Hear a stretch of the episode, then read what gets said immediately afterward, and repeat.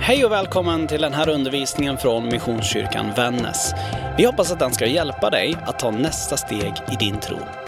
Är du intresserad av mer från oss eller vill kontakta oss så hittar du allt det du behöver på www.missionskyrkanvannas.se eller på de vanligaste sociala plattformarna. Välkommen hem!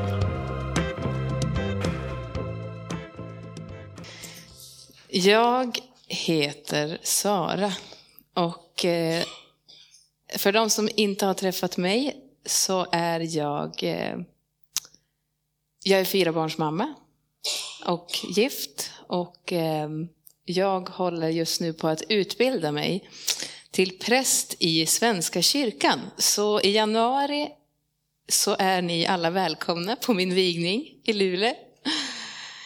Ehm, ja, och jag tänker att jag säger inte mer än så, utan ni får fråga om det är något som ni undrar. Jag tänkte prata om bönen. Och det var så att en kväll när vi bad kvällsbön, jag och mina barn, så sa jag till ett av barnen som ville att jag skulle be för något särskilt att, men ska inte du be för det där då? Nej, nej, det ska jag inte. Nej, varför vill du inte göra det? Nej, det är läskigt att be. Jaha, det är läskigt att be. Varför är det läskigt att be? Jo, för tänk om Gud inte gör som jag säger. Eller Gud inte svarar på min bön. Det är det som han försökte säga.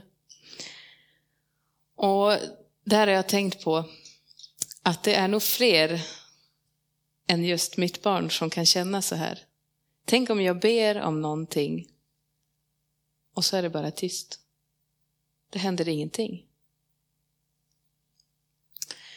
I eh, Matteus evangeliet i det sjunde kapitlet, verserna 7 till 10 så står det Be så ska ni få.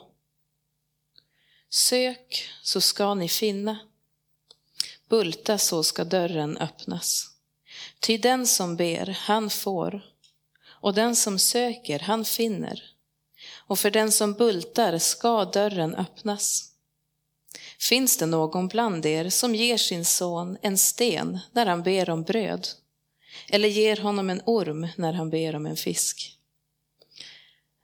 Det här är ju en klassisk bibelvers som många har hört förut. Och det som Jesus gör här är att han bekräftar det som Gud säger till Jesaja. Det som Anders läste för oss tidigare. För där säger Gud att be så ska ni få och jag kommer att lyssna på er. Och precis det säger Jesus också. Men om vi tar den här klassiska bibelversen och så, ska vi, och så tittar vi på verben i den första meningen. Så ser vi att där står det be, få, sök, finna, bulta, öppnas. Och eh, det är också så att mellan de här verben så finns det ett hjälpverb som säger ska eller skall. Och det är ett verb som, säger, som berättar hur de här verben ska användas. Så det står inte be så kan du få, eller be så kanske du får, eller sök så hittar du om du har tur, utan det står ska. Och det betyder att när vi ber så ska vi få. Och när vi söker så ska vi finna. Och när vi knackar på Guds dörr så kommer Gud att öppna dörren och släppa in oss och säga Hej, vad kul att du är här. Jag har längtat efter dig. Men eh, då kan vi också tänka att men kan det verkligen vara allvar? Att Jesus säger att vi ska få. Och kan vi verkligen ta ett sånt här obegränsat löfte och ett generöst löfte för en sanning? Och det säger jag att ja, det kan vi. För det finns ju det här hjälpverbet ska. Vi ska få. Och jag tänker att svårigheten att verkligen på allvar lita på det här handlar oftast inte om att det är tron på Gud som saknas.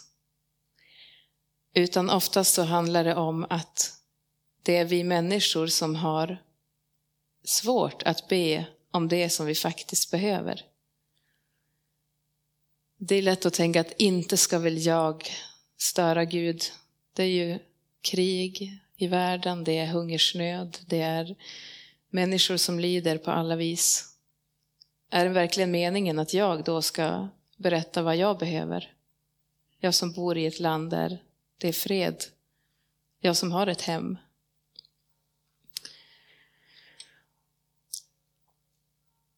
Och det är det som är så viktigt när vi tänker att Jesus då bekräftar det som Jeremia säger. För där säger ju Gud att jag ska höra er. Och det betyder ju också att Gud vill att vi ska berätta vad vi behöver, vad vi önskar oss och vad vi har behov av.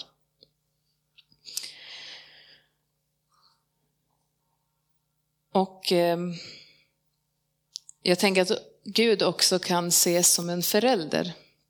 Idag så är det ju enligt kyrkåret temat den gode herden. Och det tänker jag är ett besläktat uttryck med en älskande förälder. Alltså att Gud är den här älskande föräldern som bara längtar efter att få höra vad hans barn behöver. Vad barnen önskar sig, vad de skulle vilja ha, vad som känns jobbigt och vad som känns kul. För att Gud verkligen älskar att få höra oss berätta hur vi har det och vad vi tänker på. Men om vi går tillbaka till det här, det är läskigt att be, för tänk om Gud inte säger någonting. Så är jag av övertygelsen om att Gud svarar på alla böner.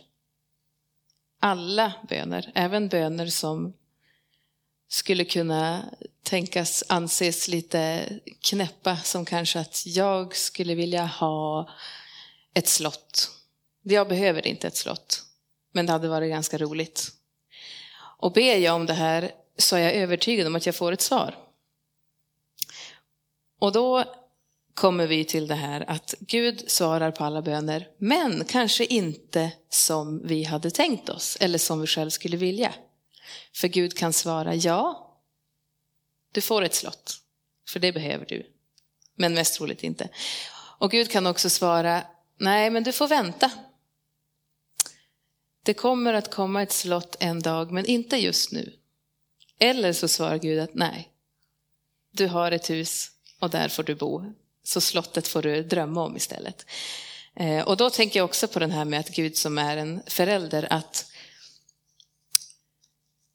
Precis som när ett barn ber en förälder om någonting, till exempel att ja, men jag skulle vilja ha godis eller jag vill ha den där nya leksaksbilen, så kanske föräldern säger ja, men det kan du få för idag är det lördag, så då är det dags att äta godis.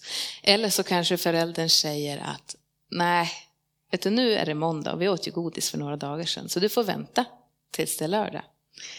Eller så kanske föräldern säger att nej, idag blir det inget godis.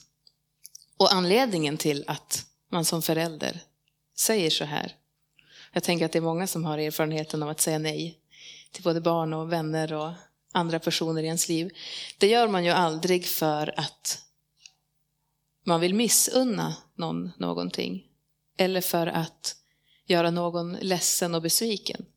Utan det gör man för att man har det bästa för den andra personen i tankarna. Och så är det också med Gud. Om Gud säger nej så betyder inte det att Gud säger nej för att vi inte ska få, utan för att det här som vi har bett om just nu behöver vi inte.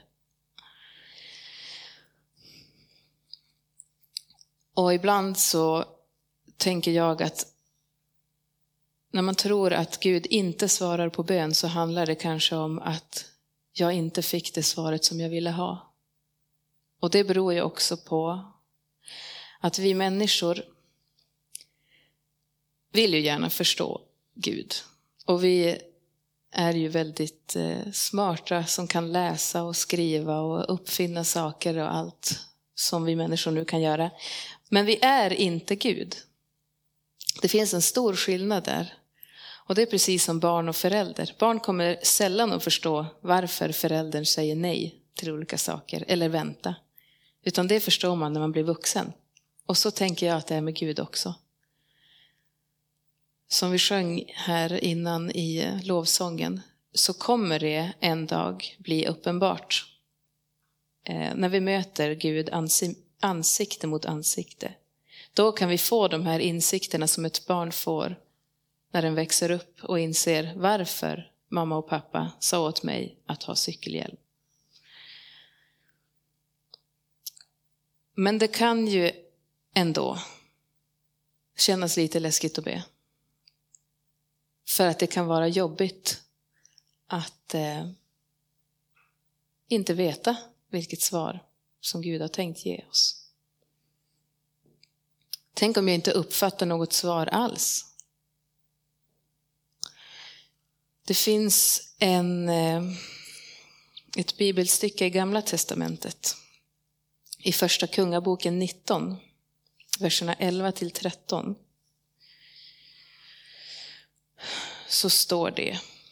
Herren svarade. Gå ut och ställ dig på berget inför Herren. Herren ska gå fram där. En stark storm som klöv berg och krossade klippor gick före Herren. Men Herren var inte i stormen. Efter stormen kom ett jordskalv, men Herren var inte i skalvet. Efter jordskalvet kom eld, men Herren var inte i elden. Efter elden kom ett stilla sus.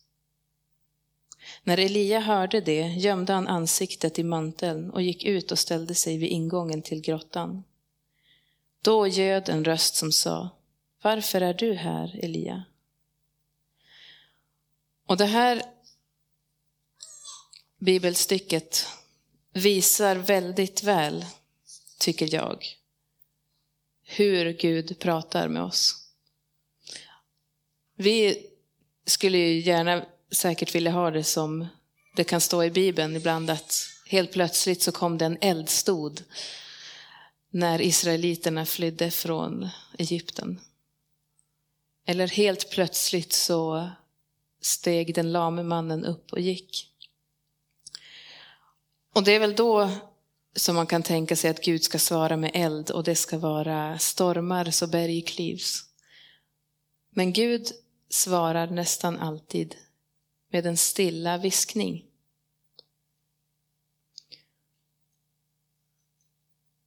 Och det handlar ju då om att när vi lyssnar efter svar på våra böner, när vi lyssnar efter Guds röst, så måste vi öva oss på att höra den. För det är som om jag skulle viska, då måste ni anstränga er. Och det jag sa nu var att det är som att jag skulle viska, för då måste ni anstränga er och komma nära för att höra vad jag har att säga. Och så jobbar Gud också. Att för att vi ska höra svar på våra böner och för att vi ska höra Guds röst så måste vi komma nära. Vi måste göra plats i vårt liv och finnas i tysthet inför Gud och säga att här är jag. Jag är villig att höra vad du har att säga till mig.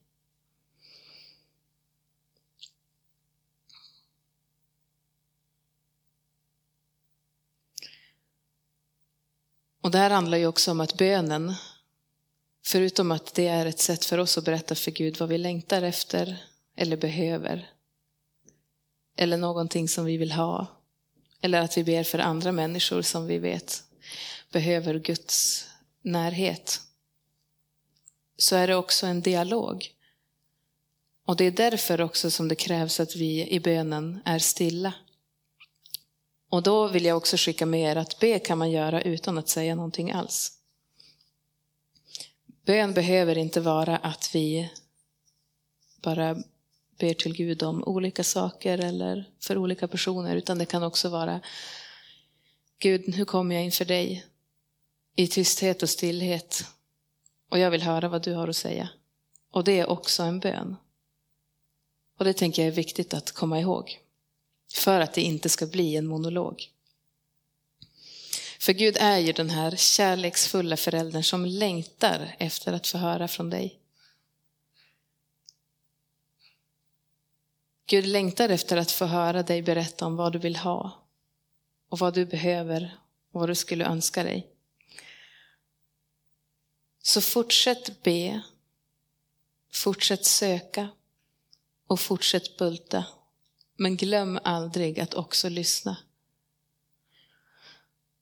Var beredd på överraskningar längs vägen. Men tro aldrig att Gud någonsin kommer att svika dig. Och bönen är trots allt en övning i fullständig tillit. Och jag tänkte att jag skulle avsluta med ett citat från en man som heter Oswald Chambers som många säkert kan ha hört talas om som eh, en lärare och teolog som levde på 1800-talet. Han sa ungefär, det här är översatt då från engelska till svenska. Han sa, bönens mening är att vi griper tag i Gud, inte i svaret. Hej, det här är pastor Johan. Så roligt att du lyssnat på den här podden ifrån oss. Jag hoppas att den har fått betyda något för dig och min bön det är att det du fått lyssna till, att det faktiskt har gett dig praktiska verktyg för ditt liv framåt. Vill du veta mer om oss så spana gärna in vår hemsida. Där finns också fler poddar och undervisning. Har du lyssnat genom Spotify eller till exempel en poddapp så får du mer än gärna prenumerera på vår kanal. Gud välsigne din vecka.